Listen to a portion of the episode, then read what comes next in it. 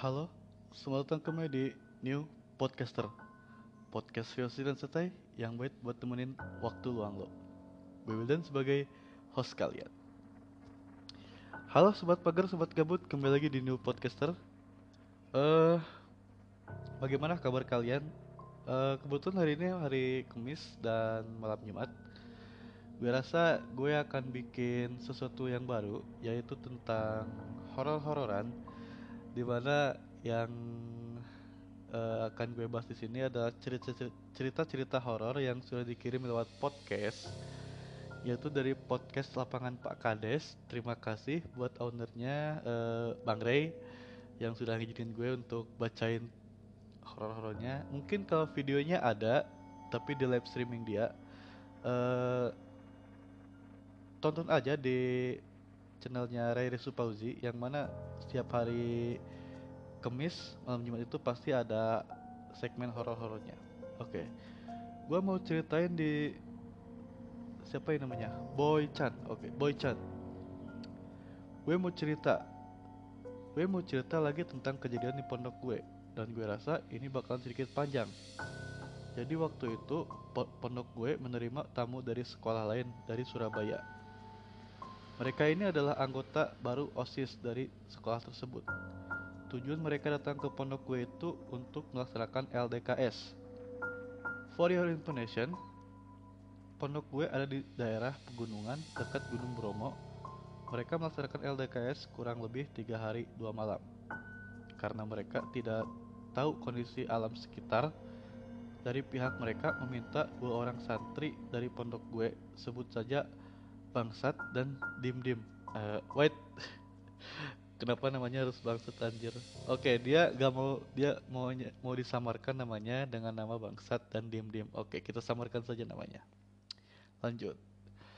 Sebagai guide, mereka kalau sebagai guide mereka, kalau mereka ada acara di luar area pondok, selama dua hari dua malam, acara berlangsung. Tidak ada kendala yang mengganggu acara LDKS maupun kegiatan pondok. Hingga pada hari terakhir, mereka LDKS. Waktu itu hari Kamis, sekitar jam 12 siang Ba'za Zuhur. Pihak LDKS memili- memiliki acara refreshing ke sebuah air terjun. Sebelum pemberangkatan, Bangsat dan Dim Dim sudah memperingatkan kepada ke semua peserta LDKS agar menjaga sikap saat berada di air, air terjun. Oke, eh biasanya kalau di air-air terjun atau pegunungan itu eh, banyak sekali hal-hal yang di luar nalar biasanya. Biasanya kalau yang nggak ketangkap kamera atau yang lagi bengong itu biasanya bakalan ya bakalan lihat hal-hal yang gak menarik lah buat kalian lihat gitu. Oke, lanjut. Singkat cerita, mereka pun berangkat ke air terjun, lalu kembali sekitar jam 2 sekitar sekitar 2 jam setelahnya. Pihak LDKS pun akhirnya pulang sekitar jam 5 sore, tepat saat persiapan sholat maghrib. Tak lama setelah itu, kami semua atau penghuni pondok sholat maghrib berjamaah lalu disambung dengan kegiatan rutin malam Jumat. Oh, oke lanjut. Di sini klimaks ceritanya. Saat itu, saat itu sudah sholat isya dan waktunya untuk kegiatan maulid. Tiba, eh, maksudnya tiba kali ya, bukan tiba. Kegiatan maulid tiba atau sholat diba. Oh, oh, oh maulid diba. Gua, gua, gua, nggak tahu maulid diba itu apa. Atau maulid kegiatan maulid diba atau sholat diba Awalnya acara berjalan lancar-lancar saja saat pada tengah acara bangsat gue gak enak anjing ngomongnya bangsat lagi. Parah banget. Kenapa harus bangsat gitu kan? Gak ada nama samaran lain kenapa harus bangsat sih? Oke. Saat pada tengah acara bangsat santri yang membimbing peserta LDKS pada siang tadi tiba-tiba kesurupan. Wah. Gue udah merasa gak enak anjing Ga- guys eh, for your information sebenarnya anjing guys kayak youtuber gue oke eh, for your information sebetulnya gue takut jujur gue takut banget uh, ada apa kalau baca cerita horor gini karena gimana ya gue tuh orangnya penakut men gue gue terlalu takut tapi demi para pendengar uh, gue akan lawan setakut itu oke okay? Bangsat santri yang memimpin peserta LDKS tadi tiba-tiba kesurupan. Kebetulan gue duduk tidak jauh dari dia, sehingga gue melihat bagaimana dia tiba-tiba kesurupan. Pada saat awal, suasana, suasana tidak begitu kacau, karena kesurupan merupakan hal yang cukup biasa terjadi di pondok gue. Namun suasana mulai berubah ketika bangsat sudah tidak terkontrol dan gagal untuk mengeluarkan sosok yang merasukinya. Wah, oh jadi si bangsat ini kayak punya ilmu gitu mungkin ya punya jadi dia tahu dia kesurupan makanya dia uh, berusaha untuk mengendalikan dirinya agar tidak lepas kontrol gitu. Namun uh, saat si bangsat ini sedang berusaha untuk tidak terkendali alhasil dia lepas kontrol juga gitu out of control. Oke lanjut Terlebih lagi, Dim-Dim ikut kerasukan juga, karena sudah mulai tidak terkendali seluruh santri diperintahkan masuk asrama dan tidak ada yang keluar. Oh, si Dim-Dim juga kena bro. Jadi setelah si bangsat sudah uh, setelah si bangsat udah mulai nggak terkontrol, Dim-Dim juga yang tadi merupakan temennya si bangsat itu kena juga gitu. Mungkin dia deketan apa gimana gitu. Pada saat kita semua masuk, uh, pada saat kita semua sudah di dalam asrama, tiba-tiba saja kami mendengar kabar kalau santri putri juga ada yang kena imbasnya. Namun, ber, namun beruntungnya untuk kasus santri putri masih bisa diatasi dengan mudah. Proses penyembuhan bangsat dan dim-dim benar-benar lama, sekitar 1,5 jam. Oh, Iya iya. Jadi setelah si bangsat dan dim dim kena terus santri putri juga ada yang kena entah siapa namanya. Tapi karena santri putri itu tidak terlalu parah kenanya jadi gampang itu untuk memproses keluarnya gitu. Untuk memproses menetralisirnya itu lebih gampang daripada dua orang tadi. Oke lanjut.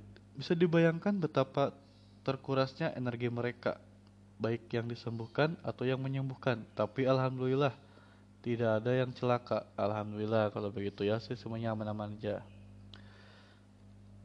Ternyata usut punya usut, rupanya yang merasuki mereka berdua merupakan penghuni dari air tersebut. Oh, plot twist banget ceritanya ya. Jadi uh, yang kemasukan si Bangsat sama Dim Dim ini adalah penghuni air terjun tadi yang di mana pas mereka mau jalan-jalan tadi gitu.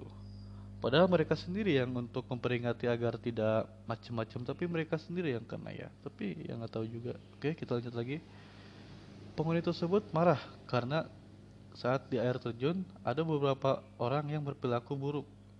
Bangsat mengakui kalau saat di air terjun memang ada beberapa peserta LDKS yang berperilaku kurang baik, seperti pacaran, berkata jorok, bahkan ada yang tak sengaja melangkahi makam. Oh, hal itu yang membuat penghuni air terjun tersebut marah dan menyerang bangsat dan dim-dim. Seusai itu, semua seusai itu, seusai itu semua, kami semua khawatir terhadap peserta LDKS tersebut kami khawatir kalau ada sosok yang mengikuti mereka karena marah dan kemudian merasuki mereka dan saat itu terjadi mereka malah kebingungan dan kesulitan mengatasinya. Oke. Okay.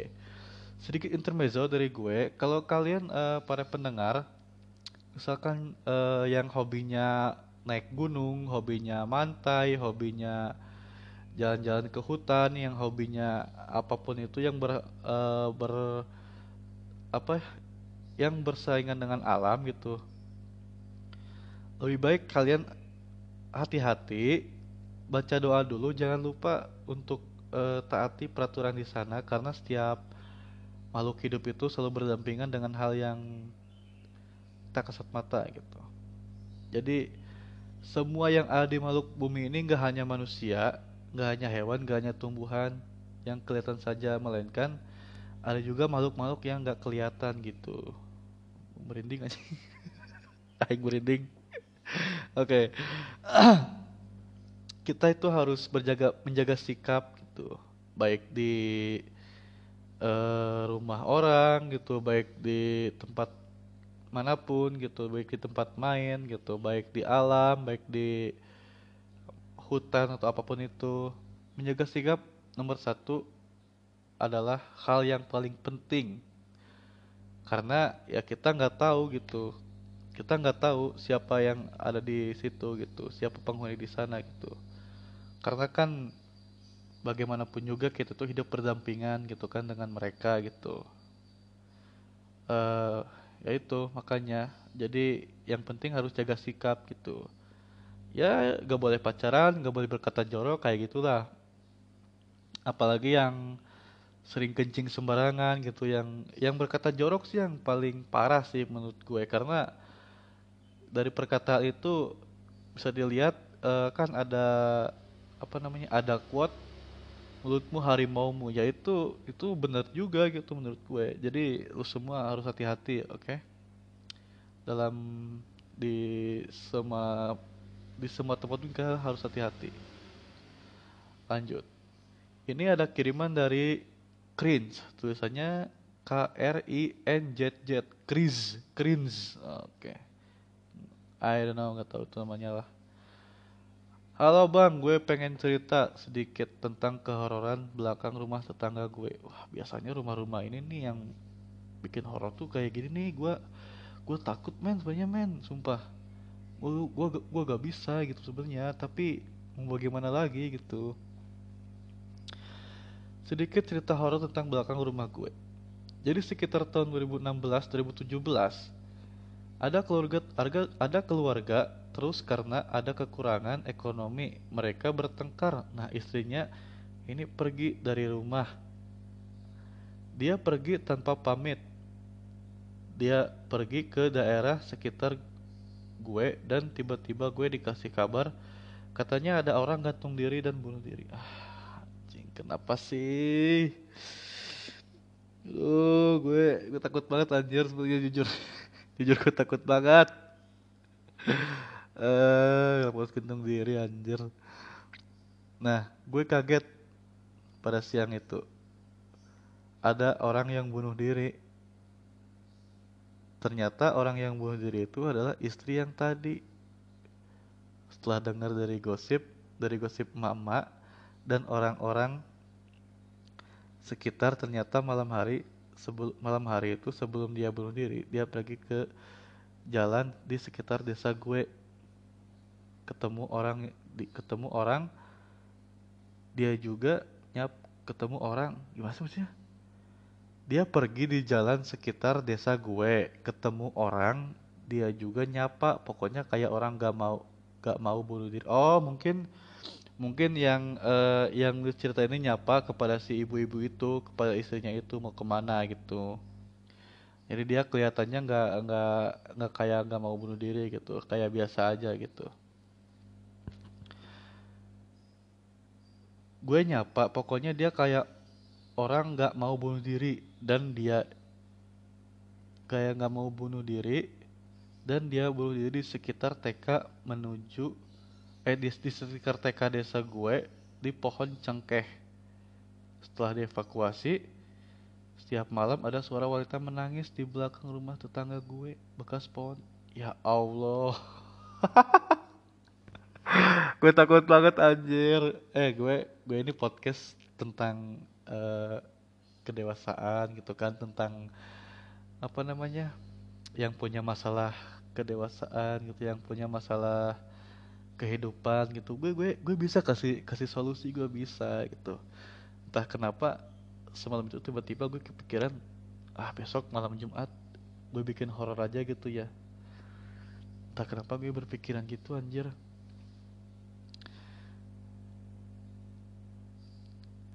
Setelah dievakuasi, setiap malam ada suara wanita menangis di jalan belakang di jalan belakang rumah tetangga gue bekas pohon tempat berdiri.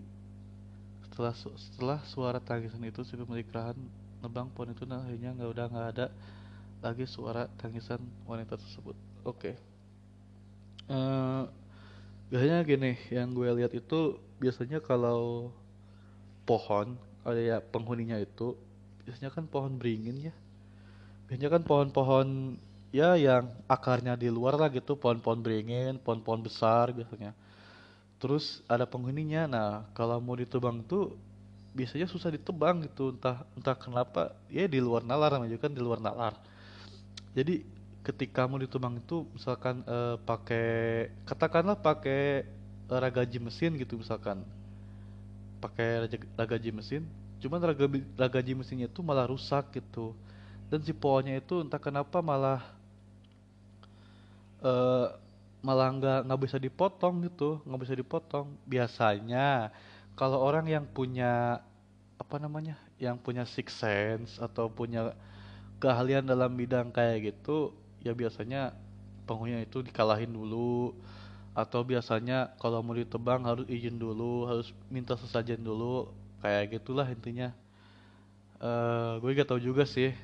Ya kebanyakan kayak gitu tapi itu ter tergantung dari lulus semua gitu.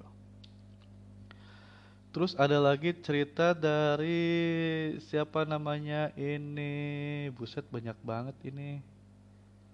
Uh, oke okay, ini nih. Cerita dari Reed Hans. Assalamualaikum selamat malam bang. Jadi ini cerita gue pas SMP mungkin sekitar tahun 2012 waktu gue dan keluarga gue ke rumah om gue rumah susun yang letaknya di pinggir laut mungkin 200 meter dari laut. Rumah susunnya empat lantai sementara om gue ada di lantai tiga. Titik A. Oke titik A nya lantai tiga. Inget-inget ya titik A nya lantai tiga. Saat itu sekitar jam 4 sore gue dan sepupu gue sebut saja namanya Daus seumuran sama gue. Oke Daus Daus. Ngajak main sepupu kami, sebut saja namanya Ari. Kenapa Ari? Ari kan teman gue anjir. Dia kayak jadi cabang soal by the way. Uh, gue sering touring bareng sama dia. Oke lanjut. Sebut saja Ari. Umur sekitar 3,5 tahun. Oh masih kecil berarti ya. Oke Ari ini masih kehitung bayi, bayi, masih bayi. Uh, balita, balita, balita. Kami main bola basket yang kecil gitu. Hanya saja Ari iseng melempar bolanya, melempar bola, bas, bola basket tersebut ke bawah titik B. Berarti dia melemparnya ke lantai 2. Tadi kan titikannya kan di lantai 3. Dia melemparnya ke titik B yaitu di lantai 2. Oke, lanjut. Gue dan Daus, gue dan Daus kan mesti mengambil tuh bola. Jadi kami harus turun lewat tangga di titik C. Oke, titik C-nya adalah tangganya, berarti titik tiga, titik A-nya itu adalah lantai tiga di tempat tempat tinggalnya uh, tempatnya mereka. Terus titik B-nya itu ada di lantai dua dan titik C-nya itu ada di tangganya. Oke. Kondisi tangga saat itu memang remang-remang gitu. Oh, tangganya remang-remang ya. Bagus. Uh, that so make sense Kondisi tangganya saat itu emang remang-remang gitu, ya kayak di rumah susun pada umumnya dan memang cukup ngeri untuk bocah seusia kami. Oke. Oke. Saat mengambil bola, awalnya biasa saja. Ari cuman masih iseng, dia ngelempar bolanya ke bawah. Dan pas ngambil lagi, mulai tuh gue ngerasa hawanya makin gak enak di, tetang, di tangga itu. Entahlah soalnya dulu gue memang penakut gitu cuman masih oke-oke aja terus pas ketiga kalinya Ari ngelempar bolanya ke bawah gue paksain untuk ngambil tuh bola pas cuman pas bola udah diambil kan gue uh, kan kan kami ke atas. Pas di lantai dua mau ke lantai tiga gue ngerasa ada yang aneh gitu. Seakan ada yang ngeliatin gue nah biasanya kayak gini nih. Ini tuh biasanya sering terjadi. Bahkan uh, lu semua pasti ngerasain gitu kalau misalkan di tempat gelap kalau misalkan lagi di rumah sendiri lah misalkan lagi di rumah sendiri terus uh, tiba-tiba ngerasa ada yang ada yang ngeliatin gitu. Itu yang biasanya disebut six sense. Biar gue jelasin dulu six sense ini tidak hanya bisa melihat tidak hanya bisa uh, menebak-nebak bahkan six sense ini bisa terjadi secara otomatis tanpa lu sadari juga. Kalau misalkannya lu lagi diem atau lagi di suatu tempat sendiri tapi uh, serasa ada yang ngeliatin itu bisa disebut juga six sense kayak gitu jadi six sense itu nggak hanya bisa melihat aja Karena yang aneh gitu seakan yang gue oke. Okay. Bentuk tangganya kan ada bagian ada bagian tengahnya rata. Nah, Daus udah jalan duluan di depan sementara posisi gue di titik D. Karena penasaran, gue nengok ke belakang titik C. Anjing. Kenapa ada genderuwo dong, ya Allah. Dan di situ ada genderuwo. Memang sih. Ngebelakangin gue, tapi tetap aja kelihatan serem. Iya iya anjir itu buset. Tuh serem banget men.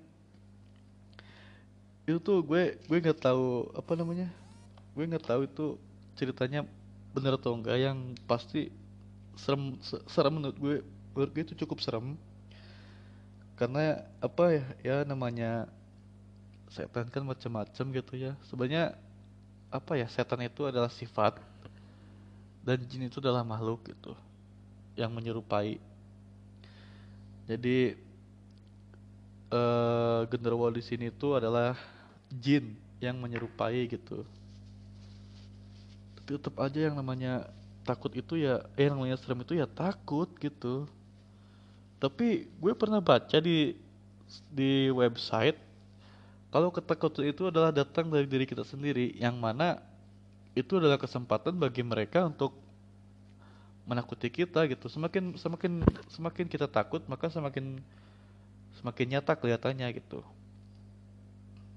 Oke. Okay. memang sih ngebelakin gue tapi tetap aja kelihatan serem. Tingginya 2 meter rambutnya selutut tapi bener-bener abstrak itu bentuknya itu pertama kalinya gue ngeliat setan. Abis itu gue pucet cuma duduk dan ditegur ibu gue. Akhirnya gue ceritain kejadian dan kata om gue emang situ emang di situ ada setan? Emang dan kata om gue memang ada setan di situ. Om gue kalau ngambil air ke bawah emang situ sering ngeliat. Cuma memang nggak ganggu sih. Ya mungkin itu aja cerita dari gue. Terima kasih yang namanya setan mah nggak ganggu atau nggak ganggu juga ya tetap serem boy gitu maksud gue itu tapi ya itu serem itu uh, ketakutan itu tuh datang datang dari sendirinya gitu. Semakin kita takut ya semakin nyata kelihatannya.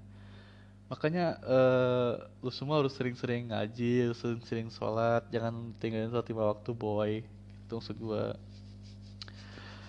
Oke terima kasih buat Hans oke kita lanjut lagi. Ada di ceritanya uh, mana ya? Oh ini ceritanya Deksa Daksa oke.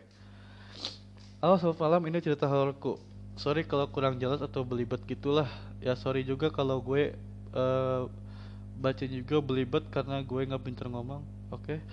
jadi sekitar 8 sampai 8 atau 9 tahun yang lalu waktu gue masih kecil jadi kejadiannya itu waktu gue ke rumah ke rumah siang bolong gue niatnya keluar rumah untuk bertemu dengan teman untuk bertemu dengan temanku. Nah waktu aku lihat ke dalam rumah ada yang terbang lewat dan itu jelas banget lewat pas di rumah lewat pas di rumah. Nah gue langsung tiba-tiba keringet dingin. Oh apa itu yang lewat uh, mungkin kenangan mantan Oke okay guys, dirubah lagi. Sekarang gendernya adalah horor dan komedi. Oke, oke, lanjut, lanjut. Anjir, gue, gue, gue gak bisa men bicara kayak gini men. Jujur men, gue, gue, gue gak bisa gitu. Gue orangnya takutan, makanya uh, gue seling-seling sama jok-jok receh ya. Jadi biar nggak terlalu serem gitu kan bacanya. Biar nggak terlalu serem juga di sininya gitu. Gue, gue takut sebenarnya. Langsung tiba-tiba gue keringet dingin. Kejadian lain kejadian lain lagi 2 sampai 3 minggu yang lalu nonton WKWK horor. Nah, oh ini pas kejadian kemarin berarti ya. Uh, oh ya ya ya ya. Nah, waktu itu kan gue klik video itu tiba-tiba tempat duduk makan gue bayi jatuh sendiri. Dan waktu itu gue langsung nutup ngecek hap nutup HP ngecek ada kejadian lagi waktu malam-malam. Di saat gue pergi dan pakai helm waktu gue lihat ke atas ada ya gitu. Ya gitulah cewek pokoknya terbang pas di atas di atas gue. Dan saat itu gue langsung merinding ya kalau usahakan kejadian gitu juga gue juga pasti merinding boy. Karena yang mana ya pada saatnya entah apa pun makhluk entah apa pun tuh jenisnya entah mau ngocop entah mbak mbak kunti entah mbak mbak kun kun red kun kun white gitu. Kalau kata koregor mah kun kun red sama kun kun white gitu kan entah apa pun itu entah gender gitu kan. Tetap aja gitu yang namanya makhluk kayak gitu tuh ya serem gitu. Pokoknya eh mana ya itu gue lupa. Oh ya itu. Ada cewek terbang pas di atas gue dan saat itu langsung merinding. Ya segitulah kejadian gue yang mau ceritain sebenarnya banyak sih horor horor yang gue alamin tapi malas ngetiknya sama merinding juga. Ini waktu ngetik sekian terima kasih. Sorry kalau belibet bahasanya. Oke sorry juga kalau gue belibet uh, Oke, okay, uh, eh, jujur gue baca ini jam 7 malam, sekarang jam 7 malam. Karena ya gue gue takut juga gitu. Tadinya kan gue itu mau recordingnya sekitar jam 10-an ke atas gitu. Cuman ya tau sendiri lah gue gue takut gitu kan orangnya. Mungkin ini video akan gue uh, mungkin ini uh, podcast akan gue up sekitar jam 10-an uh, gue habis ini ada acara keluar jadi gue tahan dulu gue up jam 10 Oke, uh, sekarang dari ceritanya siapa ini? Okin. Oke, Okin. Okin apa Okin? Okin. Halo bang, aku Okin. Aku punya dua cerita, tapi yang satu sepertinya bukan horor. Jadi tahun kemarin aku keluar berniat beli sate ayam. Ada yang ada di kampung sebelah. Nah waktu berangkat aman-aman aja tapi tapi waktu perjalanan pulang lewat depan kuburan. Kenapa depan kuburan sih anjing? Ah. Oke pas waktu pulang perjalanan lewat depan kuburan anaknya dari jauh terlihat seperti orang-orang yang jalan kaki depan kuburan. Kuburan itu dan saat aku udah sampai di depan kuburan itu orangnya nggak ada. Oh shit man. Shit shit man. God damn it motherfucker orangnya hilang gitu. Orangnya hilang gitu. Biasanya kan ibu-ibu yang hilang gitu. Biasanya yang hilang itu dia gitu. Yang hilang itu bisa dia yang tiba-tiba ada terus hilang gitu. Ya Allah. Anehnya itu saya lihat jauh, seperti orang jalan kaki depan kuburan dan pada saat udah sampai depan kuburan orangnya itu nggak ada atau hilang sama sekali. Oke. Besok paginya ada orang yang meninggal yang dimakamkan di kuburan tersebut. E, kenapa waktunya harus pas banget gitu kan? Kenapa harus pas banget waktunya gitu? Kenapa gitu? Pas hilang kok tiba-tiba besoknya ada yang meninggal gitu. Aneh gitu kan. Aduh. cerita kedua uh, oh dia mimpi cerita keduanya cerita kedua aku mimpi aku mimpi dan ada di tahun 2027 ke tahun 2020 buset dia time travel anjing. Dia dia kejauhan anjing mimpinya sumpah tahun 2027 ke tahun 2020 oke bulan November tanggalnya lupa. Dan aku setahu dan dan setengah pukul satu malam. Oke Lalu malam itu aku keliling rumah dan masuk ke kamarku.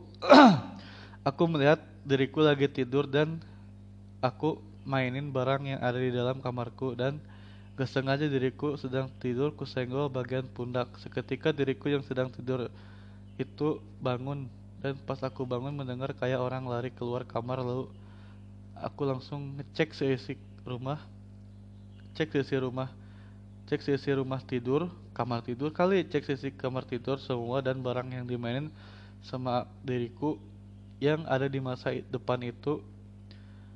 Berantakan dan posisi pintu kamar terbuka sampai sekarang masih kepikiran sama mimpi itu.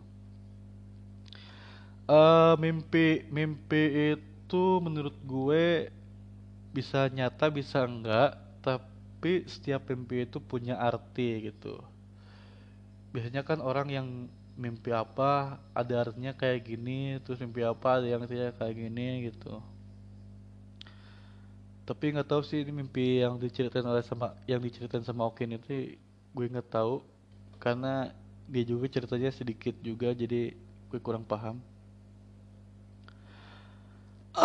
Lanjut, uh, selanjutnya ada cerita dari Indomie Rebus. Kenapa Indomie Rebus anjir?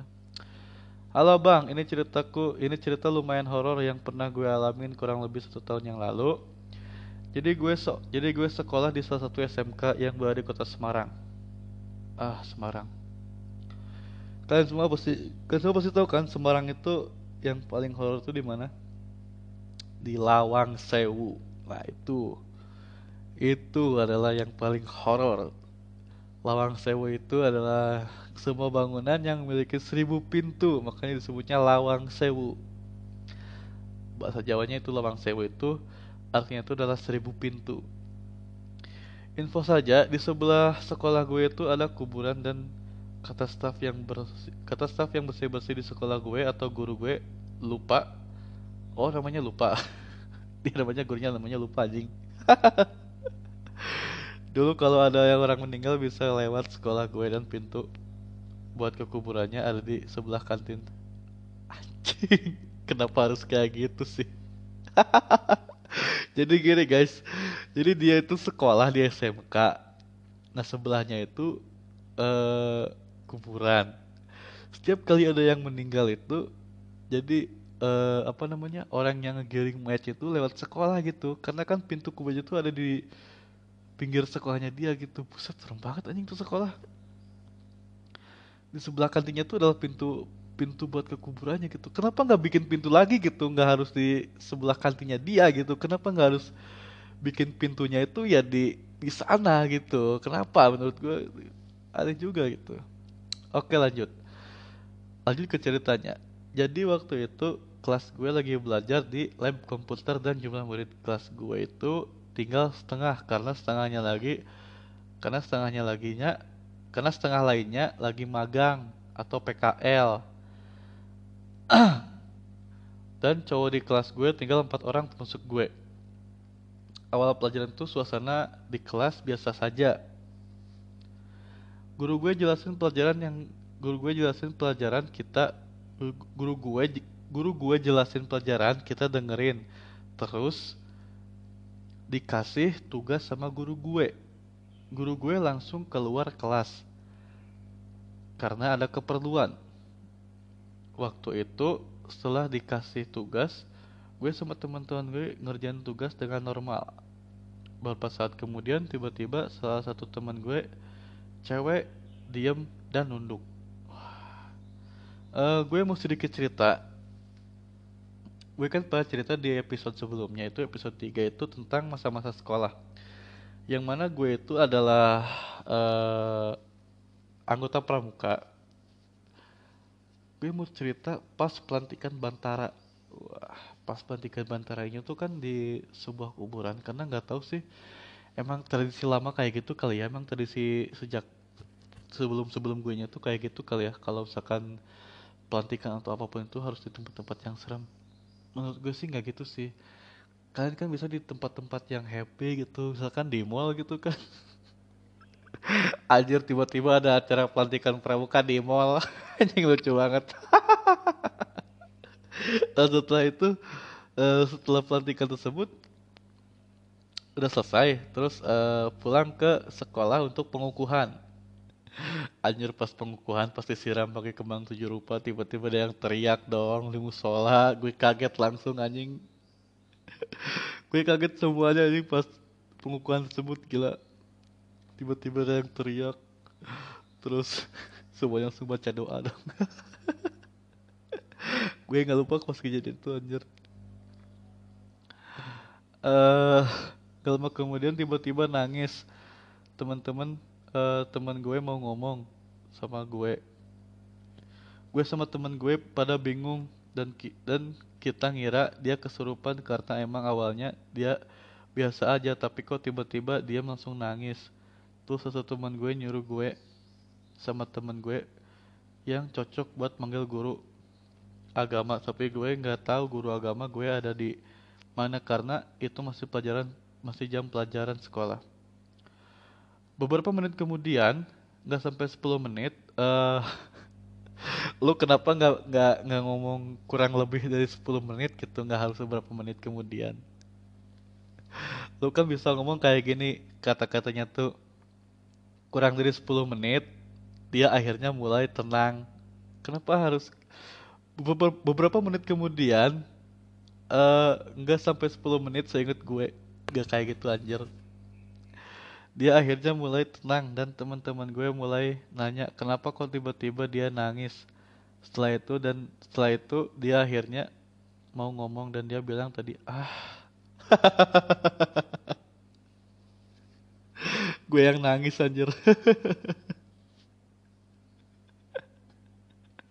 Bro ini baru jam 7 malam gue tapi rasa takut aja sumpah Tadi ada pocong di depan kelas. Di sebelah papan tulis.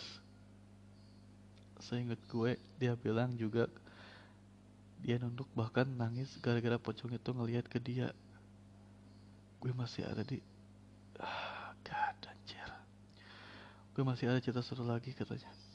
Dia masih belum selesai men ceritanya men. Dan cerita yang satunya ini terjadi sekitar beberapa hari atau minggu bahkan setelah kejadian ini dan gue ngalamin sendiri gara-gara bercandain hal tersebut. Oke okay, guys. Kalau misalkannya kalian uh, teman kalian yang ngalamin hal kayak gitu tolong ya uh, pesan dari gue jangan dibercandain. Karena bohong atau enggaknya dia yang ngalamin gitu. Kalau misalnya dia cerita lu lu percaya aja gitu. Lu percaya aja karena sekali lagi lu itu hidup nggak sendiri di sini. Nggak lu itu nggak hidup hanya dengan manusia lain.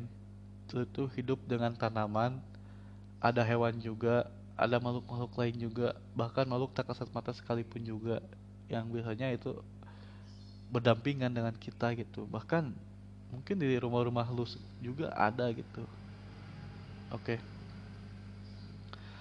terus ada cerita lagi dari uh, namanya Joker. Oke okay, Joker Oke, okay, waktunya gue nulis cerpen. Uh, by the way, ini bukan cerpen, ini cerita horor, cerita horor yang mana harusnya nyata gitu kejadian.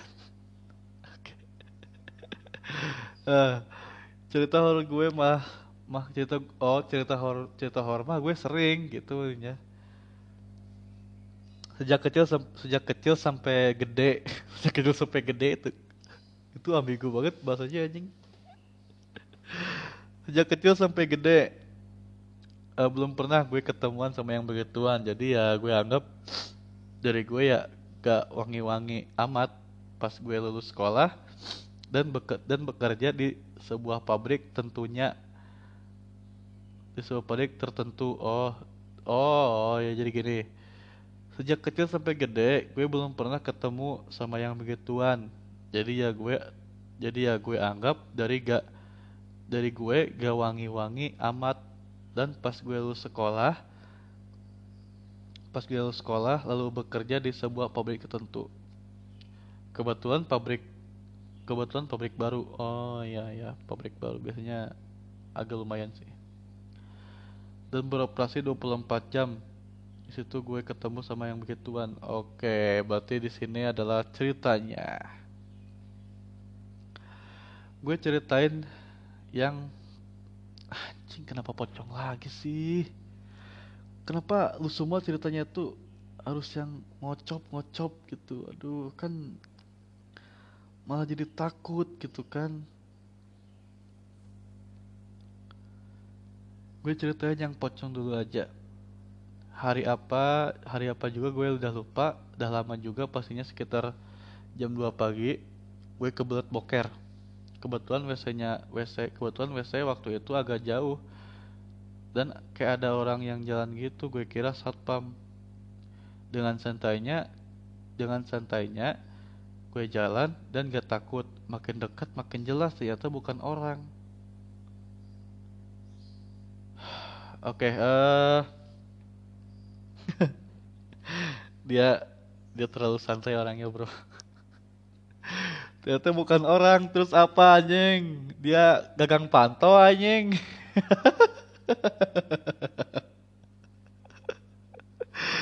Bukan orang dan ngocop anjir dan di bawah lampu dia diam aja. Uh, mungkin ngocopnya itu lagi galau dia dipusuhin sama makhluk-makhluk lain di sekitar dia. Dia ngocop introvert by the way Sekilas gue kayak membatu dan gak bisa gerak sama sekali. Saking takutnya untung aja gak terlalu lama. Sekilas gue ceritain aja bentuk. Uh, Lo gak harus dideskripsikan juga yang yang ngocok gitu-gitu aja bentuknya. Anjir putih panjang diikat udah gitu. Gak lebih. Oke diceritain secara detail ya. Gue ceritain dulu bentuknya pocong dengan kain kafan yang berantakan. Muka gak kar gak beraturan. Sumpah ngeri banget kalau kalau lu tahu. Mata merah gak ada hidung luka banyak. Oke mata merah gak ada hidung luka banyak. Hmm. mata merah itu mungkin si ngocopnya itu eh uh, kelilipan kali guys gak ada hidung luka banyak. Oke. Okay.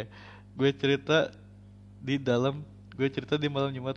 Kayak gini ngeri juga. Ya ya sama. Gue juga bacanya ngeri juga. Sampai nggak sampai gue juga belibet bacanya anjir. Gue ketakutan ini tuh sumpah. Yang kedua dan ketiga seharus yang kedua yang kedua tiga dan seterusnya. Banyak sih soalnya pabrik baru juga. Pabrik baru juga. Tahu sendiri kalau baru gimana dilihat diliatin pernah kayak suara-suara juga pernah ada barang yang jatuh juga pernah dan paling gila itu gue tidur dijajarin di gue tidur dijajarin dan dibangunin dah oh gue tidur gue tidur dijajarin dan dibangunin dah itu aja dulu sekian dan terima kasih oke okay. yang namanya tempat baru nggak hanya tempat baru sih tempat lama pun bahkan tempat lama yang paling serem itu gitu menurut gue biasanya tempat-tempat yang baru dibangun itu kayak pabrik, mall, uh, supermarket atau apa pun itu seenggaknya lu harus apa ya harus ya lu lu ngajiin dulu gitu lu doain dulu gitu supaya gak terjadi hal kayak gini gitu. Dan biasanya tempat-tempat baru itu dulunya malah malah serem juga. Kayak misalkan ada ada suatu kota yang mana kota itu sedang mendirikan mall. Dulunya mall itu adalah tempat uh, hutan atau mall itu adalah kuburan gitu misalkan. Kayak gitu, men. Tempat-tempat baru itu sebenarnya malah rawan juga gitu dan dan gimana ya? Dan taruhlah misalkan uh, tempat baru itu dulunya adalah hutan gitu. Yang mana di hutan itu kan pasti sebelum ada yang manusia itu pasti ada yang menempatin gitu. Entah siapa pun itu makhluk apa pun itu gue gak juga gak tahu tapi pada intinya kan juga harus hati-hati entah mau di tempat baru mau di tempat baru yang dibangun uh, atau tempat-tempat dulu. Kalian harus hati-hati kalian harus baca doa dulu baca doa juga dan uh, jangan lupa untuk berserah diri kepada Allah Subhanahu wa taala. Oke? okay? Sekarang kita lanjut ceritanya ke Haidar.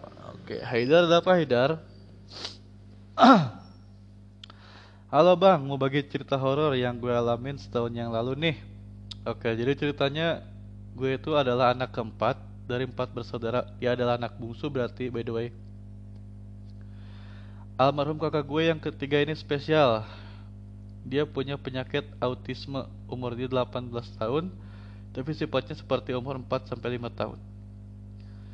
Selama dia hidup, dia punya masa hidup yang sulit. Ayah gue sangat sabar ngeladenin dia.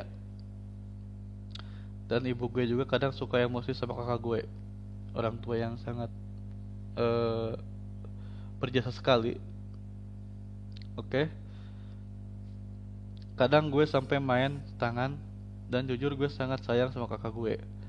Tapi sometimes gue juga sering iseng ke dia yang buat dia jadi lost control, teriak, gigit tangan gue sampai berdarah atau sampai mukul kepala dia sendiri. Nah selama Nah selama dia tinggal sama gue, gue tidur di kamar yang literally, wah anjing. Ternyata Haider ini anak jaksel nih, ternyata nih. Dia itu literally yang mana pasti literally anjing gue gue gue sebenarnya geli banget anjing dengan kata-kata literally kayak gitu anak-anak jaksel gitu kan Nah selama dia tinggal sama gue, dia tidur di kamar di kamar yang literally cuma isinya bantal dan botol minuman karena dia emang suka ngerusak barang tanpa sadar. Waktu malam, waktu malam sekitar jam 1 atau jam 2 dia sering ngomong sendiri, ketawa sendiri dan kadang nangis sendiri. Jadinya jadinya tanpa sebab gitu. Oh, oke okay, oke okay, oke okay, oke. Okay. Nah, ayah gue dan gue iseng suruh kakak gue itu buat gambar kertas kosong. Waktu besok malamnya gue lihat hasil gambarnya, dia gambar satu keluarga dan sembilan anak kecil yang ngelingin dia.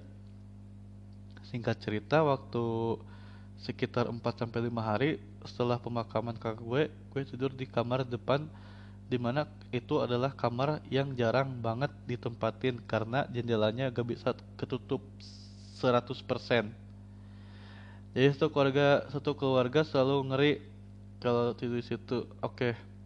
uh, eh, nah waktu itu gue tidur sore. Eh kelewatan jam satu malam.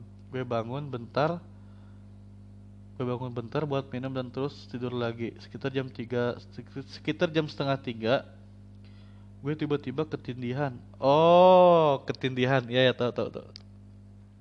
Ketindihan tuh kalau bahasa Sunda ya tuh eh, kena erup-erup. Kalau buat pendengar pasti dari orang Sunda pasti tahu lah erup-erup itu seperti apa. Ketindihan dan waktu itu gue struggle Gila kalau anak jaksel itu enak banget kalau bacanya anjing. dia tuh udah literally terus struggle terus nanti kayak bahasa bahasanya itu setengah Inggris. Tapi Inggrisnya itu bukan Inggris dari US Inggrisnya itu malah ke arah Britishnya gitu. Oke lanjut. Setengah jam tiga jam tiga setengah jam tiga gue tiba-tiba ketindihan dan waktu gue struggle bener-bener struggle buat bangun. Gue sadar kalau badan gue kayak dikunci tegap. Uh, kasus ketindihan ini pernah terjadi di gue pernah terjadi di gue di temen gue.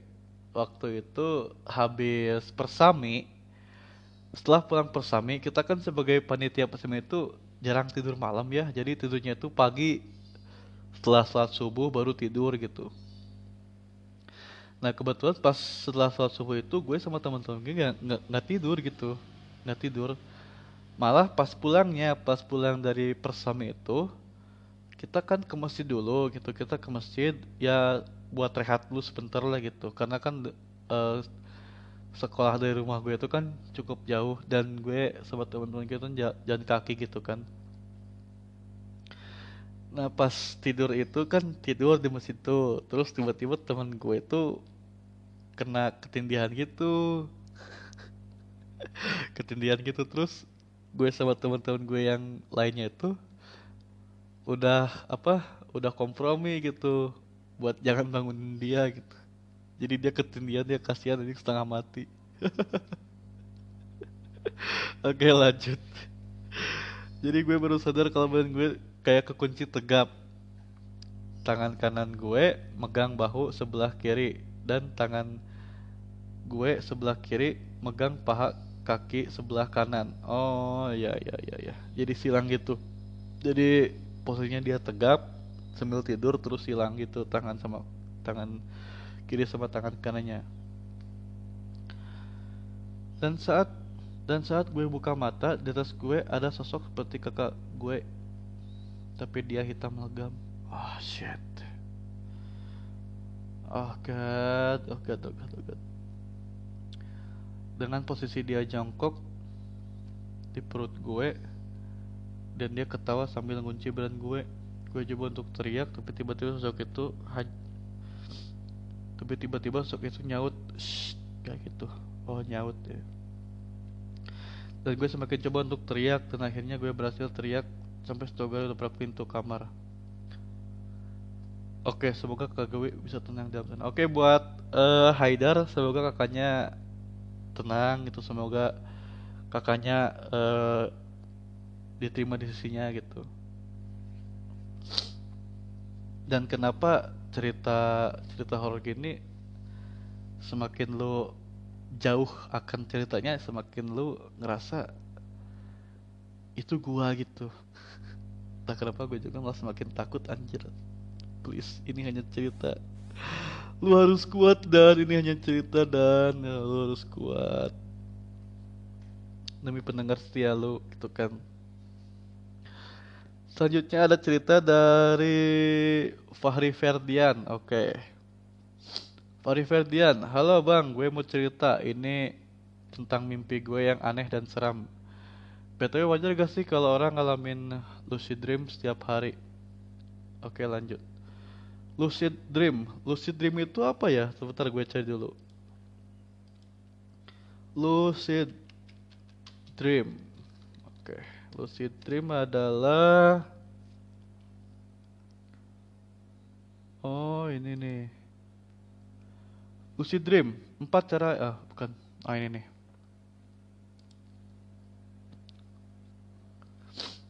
Uh, lucid dream gue nggak tahu juga karena gue juga baru dengar juga mimpi sadar lucid dream adalah sebuah mimpi ketika seorang bawa seorang sadar bahwa ia sedang bermimpi setelah ini dicetuskan oleh psikiater dan penulis berkebangsaan Belanda. Oke, okay. oh, oh ya tahu tahu tahu tahu tahu. Jadi lucid dream itu lu tahu kalau lu itu sedang mimpi gitu, lu sadar kalau itu sedang mimpi. Jadi bisa diartikan lu juga bisa kayak ngendaliin mimpi lu gitu. Oh iya iya iya iya iya. Oke, lanjut. Jadi gue mau jadi gue itu mimpi. Nah, dalam mimpi, nah dalam mimpi itu gue itu kan kayak ada di daerah gue di daerah tempat tinggal gue tapi beda dengan suasananya gitu yang mana saat yang mana sangatlah suram dan kacau banget bangunan hancur bangunan hancur lah orang-orang saling bunuh-bunuhan lah nah gue itu kan kayak kayak jalan jalan kayak mencari sesuatu sesuatu gitu pas sampai di depan rumah di depan rumah temen gue gue langsung naik ke lantai dua lantai duanya. Dan anehnya itu gue melihat danau Toba di Jakarta. Nah setelah itu gue langsung gue langsung lari ke rumah teman gue dan gue masuk ke rum ke rumah dan gue malah ngeliat diri gue sendiri yang lagi tidur dan tiba-tiba gue teleport ke zaman perang dunia kedua. Anjir gila cerita lu. Ini ini ceritanya malah malah semakin jauh dan ngawur anjir. Tadi ada yang tiba-tiba di 2027 terus ke 2020 sekarang malah ke perang dunia kedua anjing. Dan gue di situ melihat ke ke kejaman para penjajah Jepang yang ngebunuh yang ngebunuh lah membantai lah dan sebagainya. Dan gue ke teleport ke Korea Utara. Dari itu? Eksekutif Wati Gak tau kenapa ini malah lucu anjing. Ini horror kalian ini horror sama komedi anjing. Genrenya anjing. Oke. Okay. eh, gue ke teleport ke Korea Utara di mana di situ sedang ada eksekusi mati dan gue mencoba kabur karena di Korea Utara malah ke teleport lagi sekarang ke sekolah yang cukup aneh di mana murid-muridnya kayak dididik sebagai pembunuh gitulah. Dan so dan dan suatu ketika ada yang mau kabur. Ada yang mau kabur gitu em,